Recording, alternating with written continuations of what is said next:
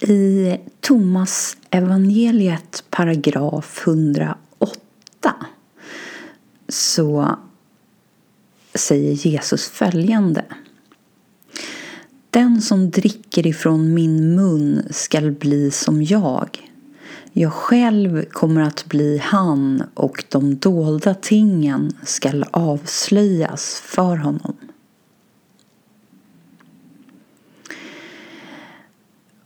Och i Johannes evangeliet kapitel 6 så säger Jesus så här. Den som äter mitt kött och dricker mitt blod, han blir i mig och jag i honom. Så som levande Fadern har sänt mig och jag lever för Faderns skull. Så och den som äter mig, han skall och leva för min skull. Detta är det brödet som av himmelen nedkommet är. Inte så som era fäder åt manna och dog. Den som äter detta brödet, han ska leva evinnerligen.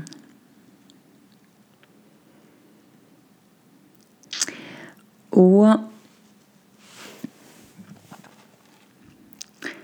jag ska läsa ytterligare en paragraf ur Thomas evangeliet som vi eh, redan har tagit upp tidigare. Men jag tänkte jag skulle läsa den igen här.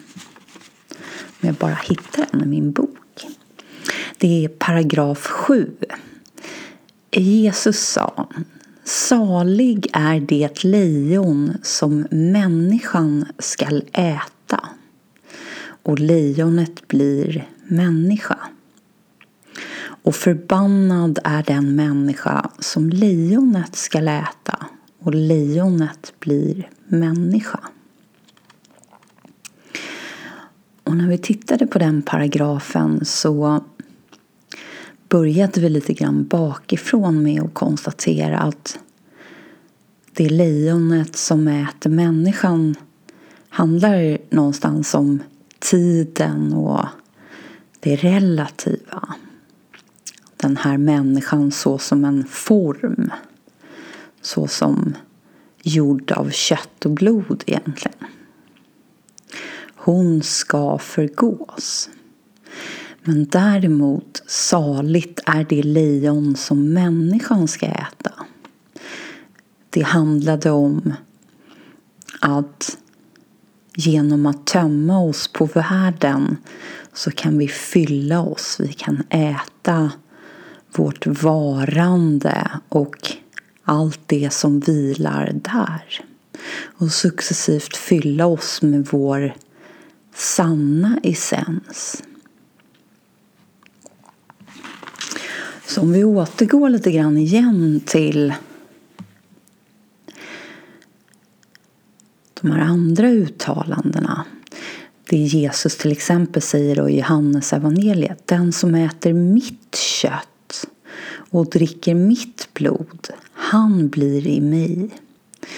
Så någonstans här så gör han en skillnad mellan vanligt kött och blod och det kött och det blod som han erbjuder. Och han ger också ett löfte att den som äter och dricker av honom egentligen, han kommer att förbli i Jesus eller egentligen därifrån Jesus talar när han säger det här.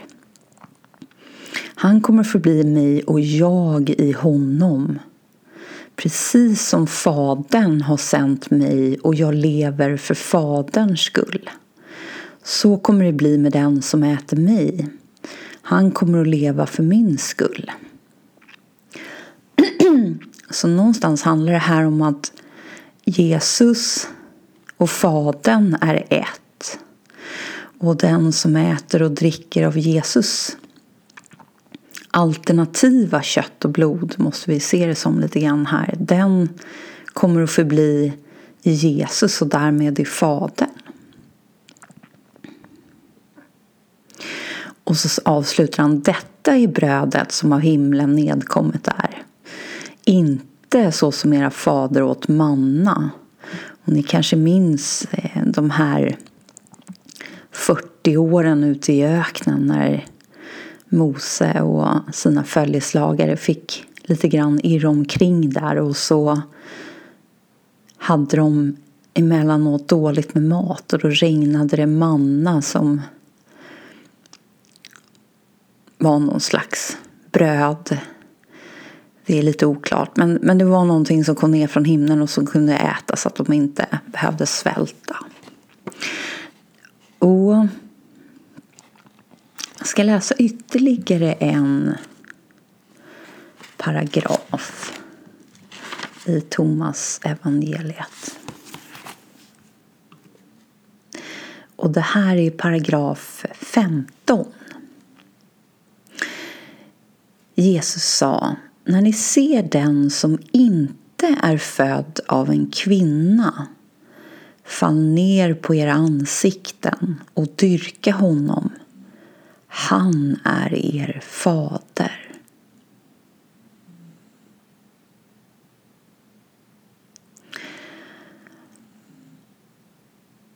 Så på något sätt så har vi ju lite grann redan tittat på det här med att positionen Jesus talar från, därifrån hans ord kommer, är ju bortom en form. Så även om de som fick ta emot det han sa och även nu när vi tar emot hans ord så måste vi inse någonstans att de kommer inte ifrån en form. De tycks komma från en form men, men det är inte därifrån han talar. Och här lite grann i paragraf 15 när ni ser den som inte är född av en kvinna. Den pekar oss ju lite grann någonstans bortanför den fysiska formen som ofrånkomligt är född från en kvinna. Och så säger han fall ner på era ansikten och dyrka honom. Så någonstans den som inte längre identifiera sig som en form. Den som är formlös. Den som är fullt ut medveten om sin sanna essens. Dyrka honom för han är er fader. Och när han också talar om det här med den som dricker från min mun ska bli jag och jag själv kommer att bli han och de dolda tingen ska avslöjas. Det handlar ju också någonstans om att gå bortom formen. Att dricka någonting som existerar bortom formen. Och just där också när ni äter mitt kött och dricker mitt blod att det är inte vanligt kött och blod utan det är någonting som existerar bortom det. Och det här handlar ju verkligen om att förbli i varandet. Att någonstans dricka det formlösa. Och äta det formlösa. Att helt enkelt förbli där. Så äta står ju lite grann för begären här också. Vi äter av världen, vi begär världen, vi kan inte få nog av världen. Här handlar det istället om att vi ska vända oss lite grann åt ett annat håll, rikta vår uppmärksamhet åt ett annat håll som successivt kommer att tända den här flamman och den här elden inom oss och som någonstans kommer göra att vi begär någonting annat istället.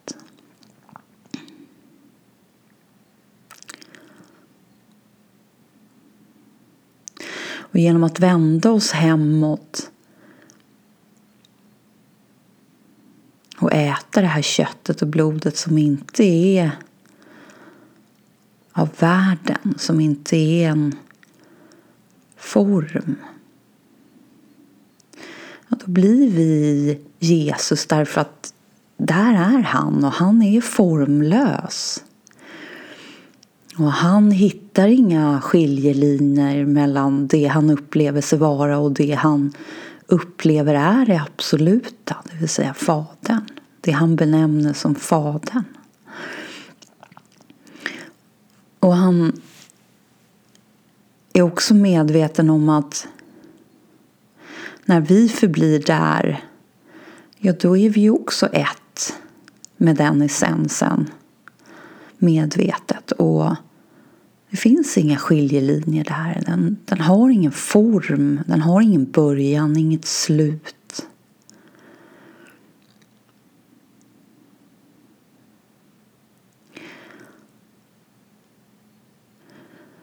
Och han är ju också medveten här om att han är ingen självständig enhet som kan agera självständigt utan den levande Fadern har sänt mig och jag lever för Faderns skull. Så han har ju lämnat tillbaka, lämnat över.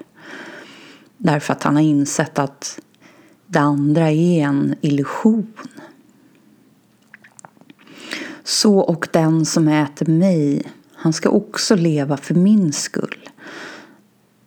Ja, indirekt att vända sig inåt, hemåt, tillbaka till vår sanna essens. Där vilar vi någonstans i vetskapen att det framförallt är det som är verkligt. Det är det som består. Det är det som alltid har funnits och alltid kommer att finnas. Det andra är flyktigt, tillfälligt. Och också faktiskt i jämförelse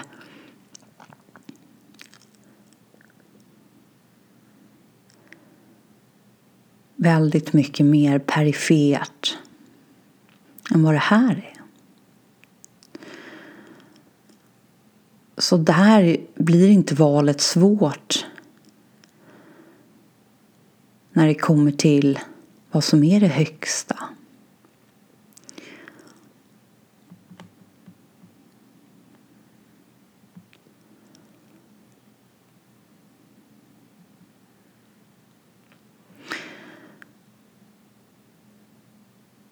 Och i Johannes evangeliet kapitel 8 så gör Jesus också följande uttalande. Då sa Jesus till de judar som hade satt tro till honom. Om ni förblir i mitt ord så är ni i sanning mina lärjungar. Och ni ska då förstå sanningen och sanningen ska göra er fria. Så här använder han istället för att vi då ska äta och dricka av hans essens så ska vi förbli i hans ord. Och det är ju lite det vi strävar efter här hela tiden genom att faktiskt följa hans ord, följa hans pekare dit de leder oss och förbli där. Så om vi förblir i hans ord då kommer vi att förstå sanningen och sanningen kommer att göra oss fria. Och det här löftet med att sanningen kommer att göra oss fria, ja det löftet har vi ju på många sätt sett att andra också ger lika övertygande någonstans. Att den sanna friheten vilar hemma i vår sanna essens, i vår rätta position. Först där kan vi bli fria. Fria från vår ändlighet fria från vår, vår, våra begär egentligen efter det som är förgängligt. Efter det som är flyktigt.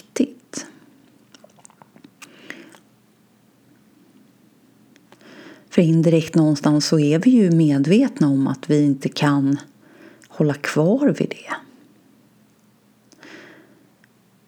Även om vi gärna bortser ifrån det faktumet så är det ju ändå ett faktum som gäller lika för oss alla i världen.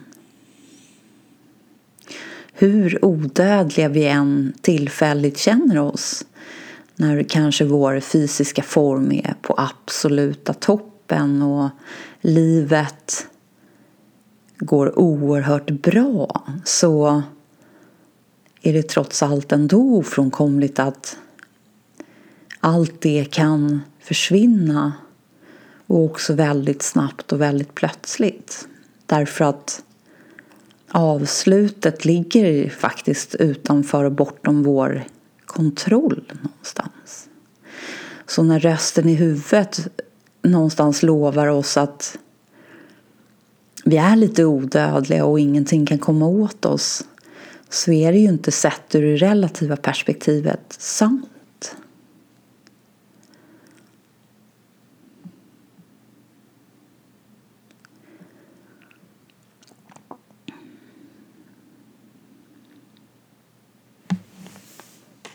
Och i Johannes evangeliet kapitel 14 säger Jesus också så här. På den dagen skall ni förstå att jag är i min fader och ni i mig och jag i er.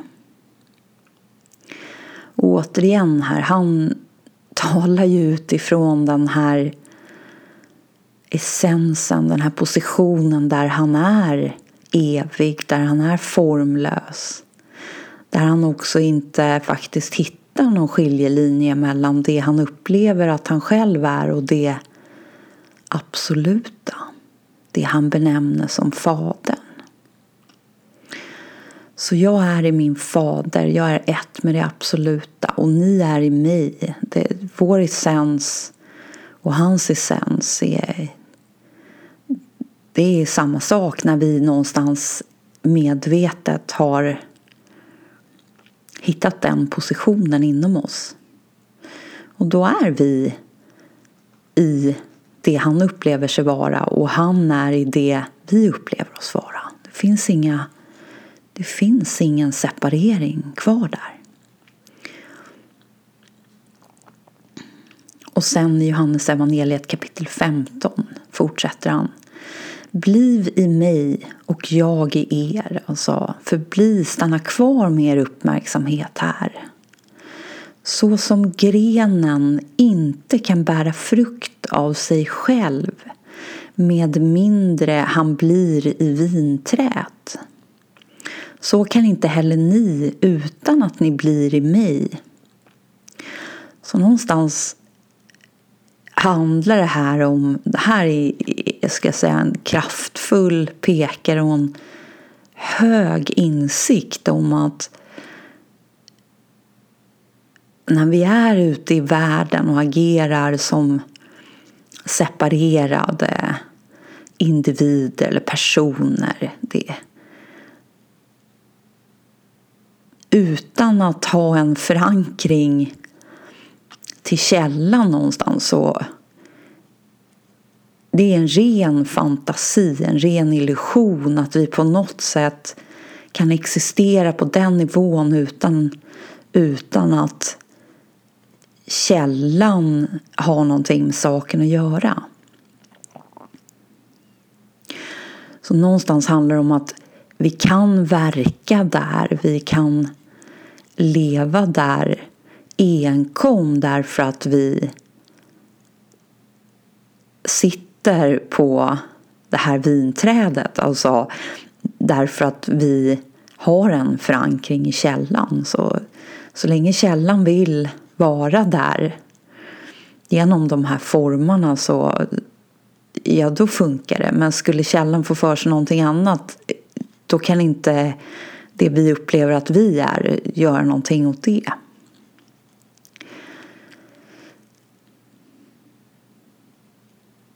Så jag är vinträdet och ni är grenarna och det är ju för att han är, han är ju han är så totalt frånvänd världen. Han, han är inte överhuvudtaget identifierad med någon form eller någonting i världen utan han, hans position är i källan och där är han helt och hållet. Den som blir i mig och jag är i honom, han bär mycket frukt. Så någonstans den som medvetet är rotad inom sig i, i sin essens, alltså i sitt varande.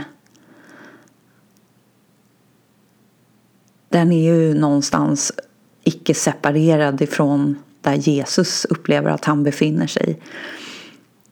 Och han kommer bära mycket frukt också därför att och det här har vi också varit inne på. Källan är ju försörjaren. Det är ingenting som vi någonstans kan flyktigt se och uppleva i världen kommer ju någon annanstans ifrån utan indirekt kommer ju allting ifrån källan.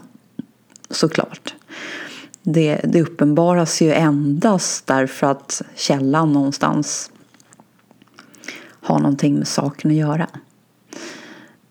Till mig förutan kan ni intet göra. Så någonstans att också källan är överallt och överallt gällande. Att det finns ingenting som existerar utanför eller bortom källans essens egentligen. Därför att allt är egentligen samma sak. Men, men det tycks så många. One appearing as many. Så det är en ren illusion här som han lite grann pekar oss bortom att vi på något sätt kan agera autonomt alltså, och separerat. Det, det kan upplevas så, men det är ingen sanning.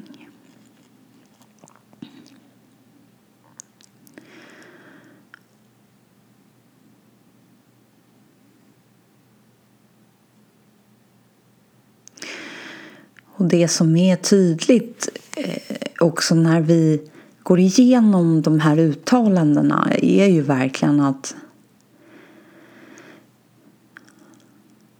Jesus överhuvudtaget inte upplever någon skiljelinje mellan det han kallar för Fadern, det vill säga det absoluta där han befinner sig och det han upplever sig vara och indirekt faktiskt också det vi är och det han upplever är vår sanna essens. Men han gör det också tydligt att vi lite grann behöver kallas hem. Vi behöver återvända inåt, hemåt och bli medvetna om vår rätta position. Vår essens är inget ting men de flesta av oss är mer eller mindre ständigt identifierade med något ting. Allt ifrån en, en tanke som skapar en känsla av ett personligt jag till en form.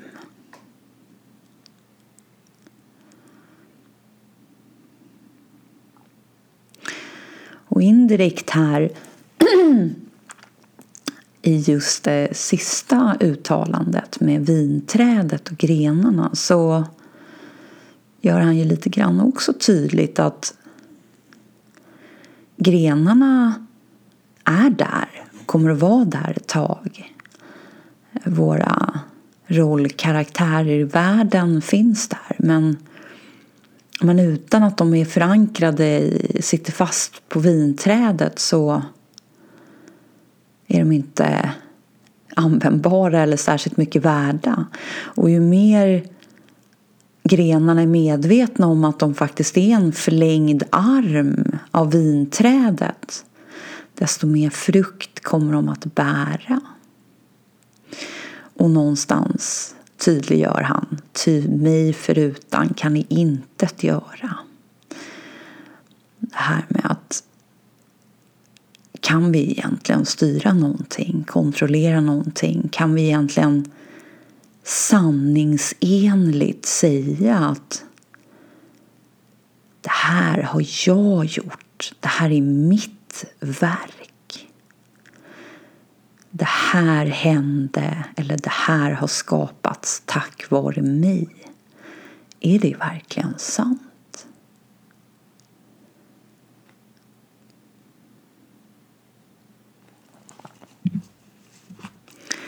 En lite rolig liknelse skulle kunna vara om vi ser alltet som en mänsklig kropp.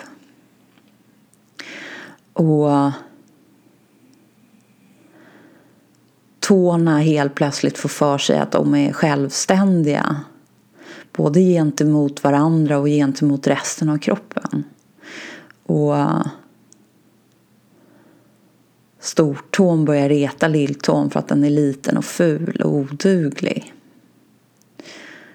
Och lilltån bestämmer sig för att lämna.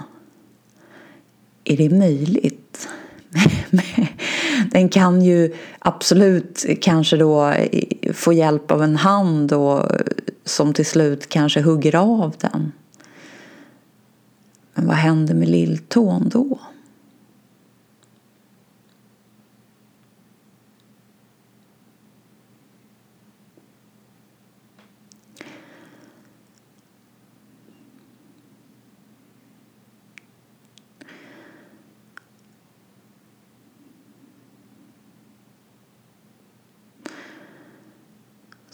Två buden som Jesus upphöjde över de andra buden.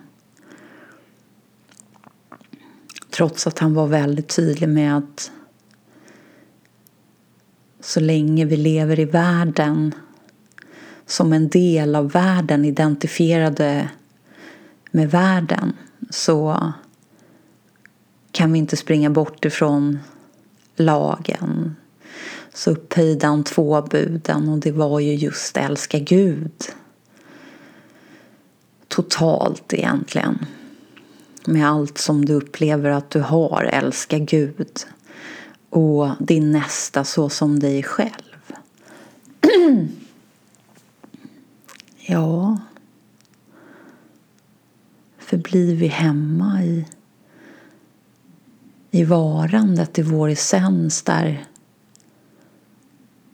det faktiskt inte går att hitta någon separering annat än en tanke som möjligen kan krypa sig in och få för sig att separera det vi upplever att vi är ifrån stillheten. Här blir de buden ganska självklara därför att kärleken är där som en, som en, eh, en del av essensen naturligt. Så att älska det som är, det är inte ens en ansträngning. Det, det sker av sig självt. Och att älska vår nästa som oss själva, ja, alltså vem är vår nästa annat än ytterligare en förlängd arm av det vi är?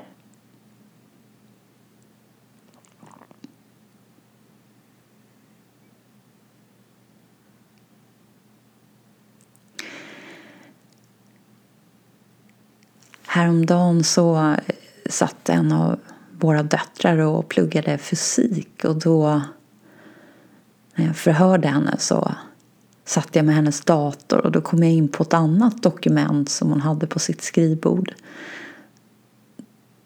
Och där stod några frågor. Det var uppenbart att hon hade pluggat religion när hon gjorde det där dokumentet. Och jag bara läste en fråga som stod där och det var Vad var Jesus för de kristna och för judarna?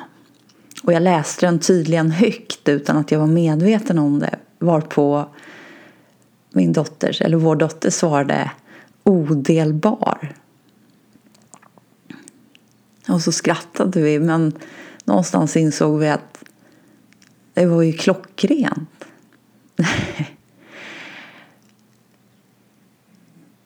Han var ju det, han är det, vi är alla det.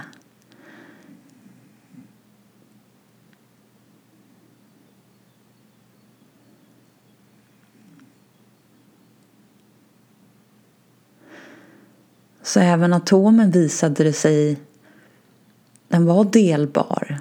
Därför att den delen av atomen som var delbar är också en del av det relativa. Men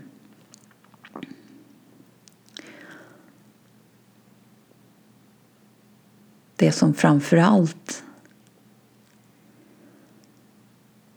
möjliggör atomens till synes existens det är inte delbart.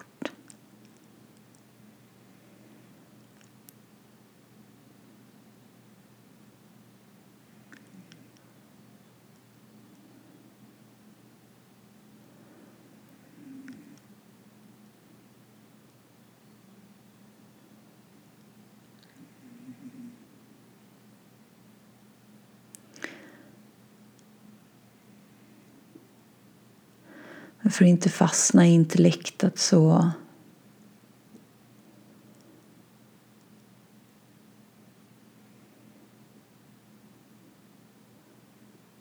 är det bättre att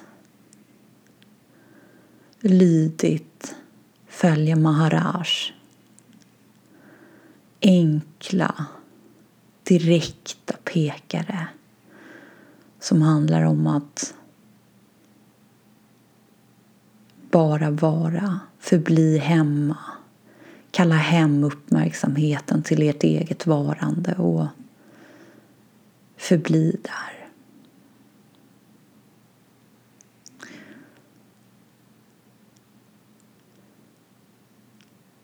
Vad mer är egentligen upp till oss? Vad mer kan vi egentligen göra?